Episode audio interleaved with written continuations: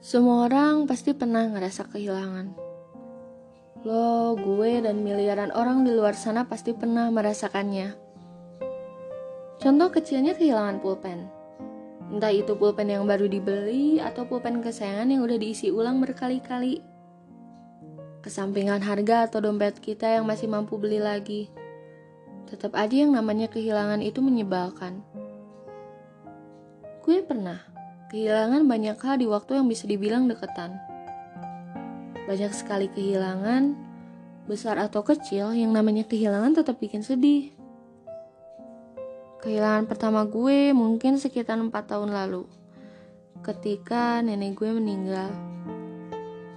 FYI gue emang bukan cucu yang paling dekat sama beliau.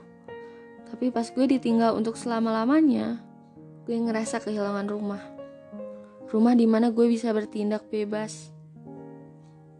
Karena beliau selalu menjalin hal baik yang selalu bisa nerima gue sebagai anak manja yang banyak mau. Cuma sama beliau, gue gak dituntut jadi dewasa. Karena beliau dipanggil dengan sebutan ibu oleh semua anak dan cucunya, membuat beliau menjadi terasa begitu dekat dengan kami. Hmm, waktu SD, Hmm, waktu SD, gue pengen banget masuk SMP negeri favorit yang letaknya dekat sama rumah nenek. Gue pun berjuang mati-matian dan akhirnya berhasil jadi siswi paling pintar kedua seangkatan. Berbekal nilai yang waktu itu gue rasa cukup besar, disertai percaya diri yang mungkin kelewat batas saat itu, gue maju. Sayangnya, Nyali gue ciut seketika pas tahu kalau rata-rata nilai untuk masuk ke sekolah itu masih jauh lebih tinggi dari nilai yang gue dapat. Udah sedih, udah pasrah deh kalau harus ganti tujuan. Tapi nenek gue gak nyerah dan gak ngebiarin cucunya yang nyebelin ini nyerah. Beliau bilang, Ibu percaya sama mimpi kamu. Ibu pasti doain kamu bakal berhasil. Dan ya, doa beliau sampai dengan anggun membuat gue akhirnya diterima di sekolah itu. Gak lama dari situ, beliau pergi ninggalin gue dan seluruh keluarga dengan kasih sayang yang tak pernah punya akhir. Kepergian beliau emang bikin gue terpuruk untuk beberapa saat. Bisa jadi itu kehilangan terberat gue selama ini. Namun gue tetap berhasil untuk bangkit. Lambat laun, Ya, pas gue mulai berteman dengan dua orang yang begitu baik. Yang satunya cowok, satunya lagi cewek. Mereka nerima gue apa adanya. Gue inget waktu pertama kali kami bertiga nangis sesegukan saat gue nyeritain soal nenek gue yang udah meninggal. Terus, buat hibur diri, kami beli seblak dan batagor yang harus habis saat itu juga. Hah, menyenangkan sekali. Setahun lebih persahabatan kami terjalin, sayangnya di sinilah gue harus ngerasain kehilangan kedua. Persahabatan yang menyenangkan itu berakhir saat kami menginjak tahun kedua.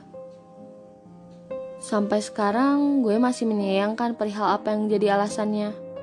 Aneh, lucu, gak jelas, benar-benar gak bisa diterima. Tapi begitulah adanya. Tahun kedua itu jadi semakin kelam pas takdir nyuruh gue untuk duduk sendiri. Karena jumlah siswa yang ganjil kala itu, ya lagi apes deh. Gue jadi gak mau sahabatan sama siapa-siapa lagi. Gue membiarkan orang-orang so baik yang datang pas butuh doang mendekati gue silih berganti.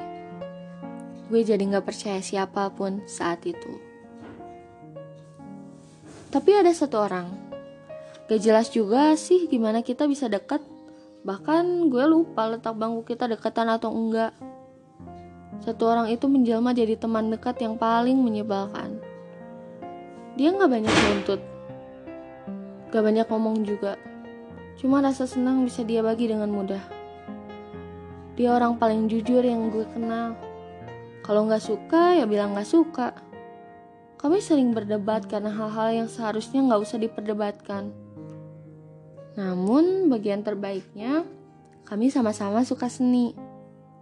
Suka jenis musik yang sama. Bedanya mungkin dia pinter, gue enggak. Ah, biasa aja gitu. Dan habit kita kalau main selalu ada jadwal ngemilin es batu. Aneh emang. Tapi seru banget loh, serius. Lambat laun, gue akhirnya menginjak tahun terakhir. Yang bisa dibilang tahun terburuk. gue ngalamin mental breakdown yang bikin gue seneng banget self-harm.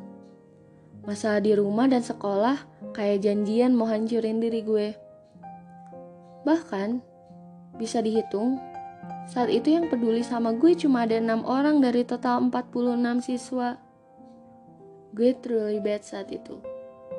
Berangkat sekolah nangis, pulang sekolah juga nangis. Gue nggak tahu ada yang nyadar atau enggak sama mata sembab gue yang menetap cukup lama itu. Ya, itu semua bikin gue sering bolos pemantapan. Sering bolos tryout juga. Pokoknya gue jadi nggak peduli sama apa yang bakal terjadi ke depannya. Sampai gue ketemu satu hari yang bikin gue ingin ninggalin bumi saat itu juga adalah saat gue nerima suatu kegaduhan di rumah yang lagi-lagi buat gue berangkat ke sekolah dengan penampilan yang gak bersahabat. Berat banget hari itu. Gue jalan ke sekolah. Coba untuk gak peduli sama orang-orang yang liatin gue sepanjang jalan. Dan di sekolah, Gue coba untuk stay humble, tetap ceria. Sampai pas guru gue datang dan bilang, Loh, ada kamu? Eh, enggak enggak, nadanya enggak gitu. Gini. Loh, ada kamu? Dengan perasaan terkejut yang mungkin dibuat-buat. Gak tau lah. Pokoknya gitu. Gue kira saat itu beliau peduli. Gue kira saat itu beliau bakal tanya alasan penampilan gue yang kacau. Gue kira saat itu beliau peduli. Ya, gue kira.